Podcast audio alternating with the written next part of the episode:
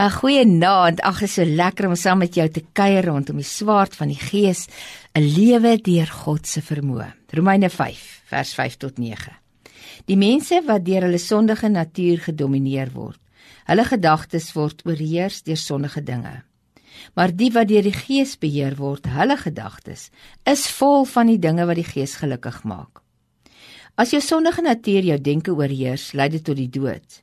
Maar as die Gees jou denke oorheers, beteken dit vir jou ware lewe en vrede. Want die sondige natuur is altyd verhandig ingestel teenoor God. Dit rebelleer teen God se wet want dit is in sy aard.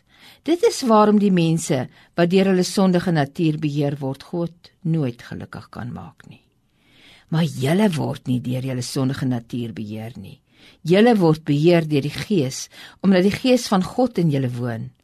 Onthou, iemand wat nie die gees van Christus het nie, is nie een van sy mense nie. Wanneer ons as Christene steeds in spanning en woede, bitterheid en onvergewensgesindheid, gevul met vrese opereer, het ons nog nie die geheim van 'n lewe deur die Gees ontdek nie. So 'n kringloop van menslike onvermoë om ons verlossing in alle opsigte in ons gedrag te laat deurbreek, hou ons terug. Meer nog, Ons persoonlike toegeeflikheid rondom sondige gedrag verhinder 'n magtige beweging van God se gees oor ons land en ontmagtig die kerk van die Here Jesus.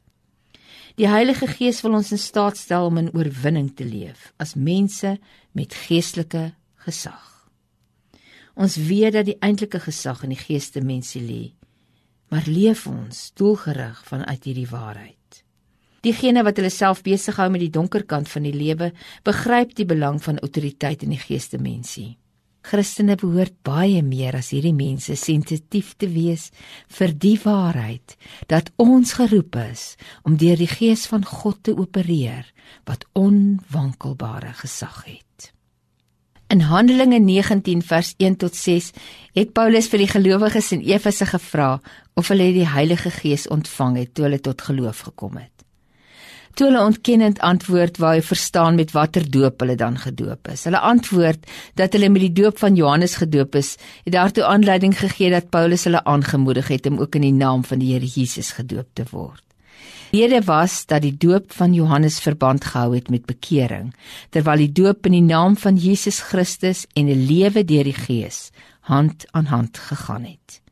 Ek wil glad nie hiermee 'n betoog aangaande die doop begin nie. Veel eerder wil ek aandag gee aan die feit dat Paulus progressie wou beklemtoon van bekering na lewe in en deur die Heilige Gees. Ons behoort ewe gemaklik te wees met die gedagte dat ons onsself van ons sonde moet bekeer en na God gedraai moet lewe.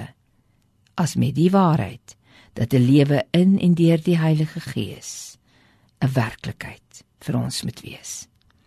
Ons kan nie vashak by sondebelydenis en 'n belewenis van gerusheid omdat ons gered is nie. Daar is meer. 'n Geesvervulde lewe en 'n geesgedrewe gebedslewe. Amen.